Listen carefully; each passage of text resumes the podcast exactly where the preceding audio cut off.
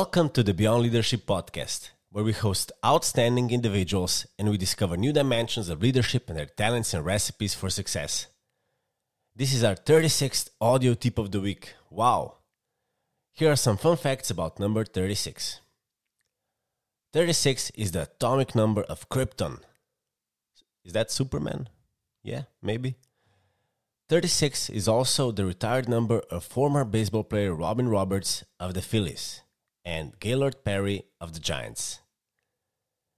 And 36 is also an amazing number because many early computers featured a 36 bit word length.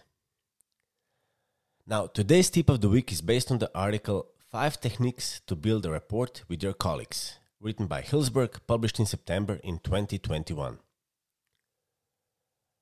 So much of our success depends on building relationships with our colleagues.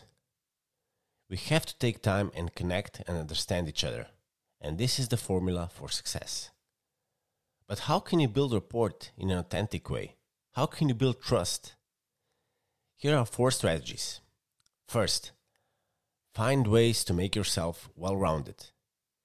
You need something to talk about with your colleagues, so it's important to have interest and hobbies. Is there something you've always wanted to learn? A book you've been meaning to read, or a show you've been meaning to watch. Having experience and knowledge in a variety of topics can give you material to draw from when you're meeting and connecting with others. Second, don't pretend to be someone you're not.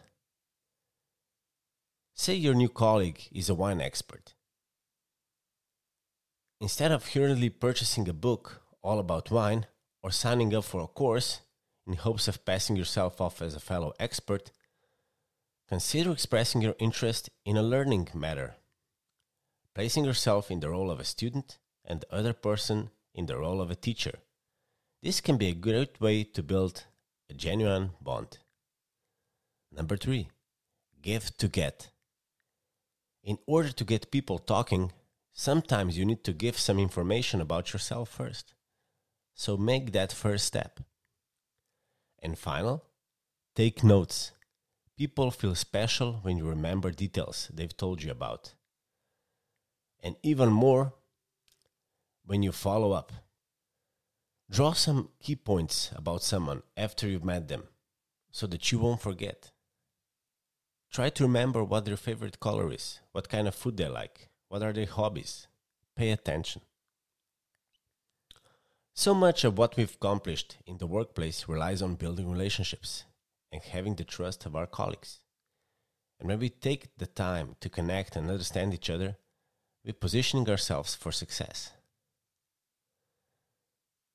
Have you ever tried establishing a relationship with a colleague or colleagues? What did you do? What was your first step? What did you talk about? This was this week's tip of the week. Make sure to subscribe and follow us on all podcast channels like Spotify, Apple, Google, Castbox, and also follow us on YouTube, LinkedIn, Instagram, and Facebook. And also beyondleadership.si, our website.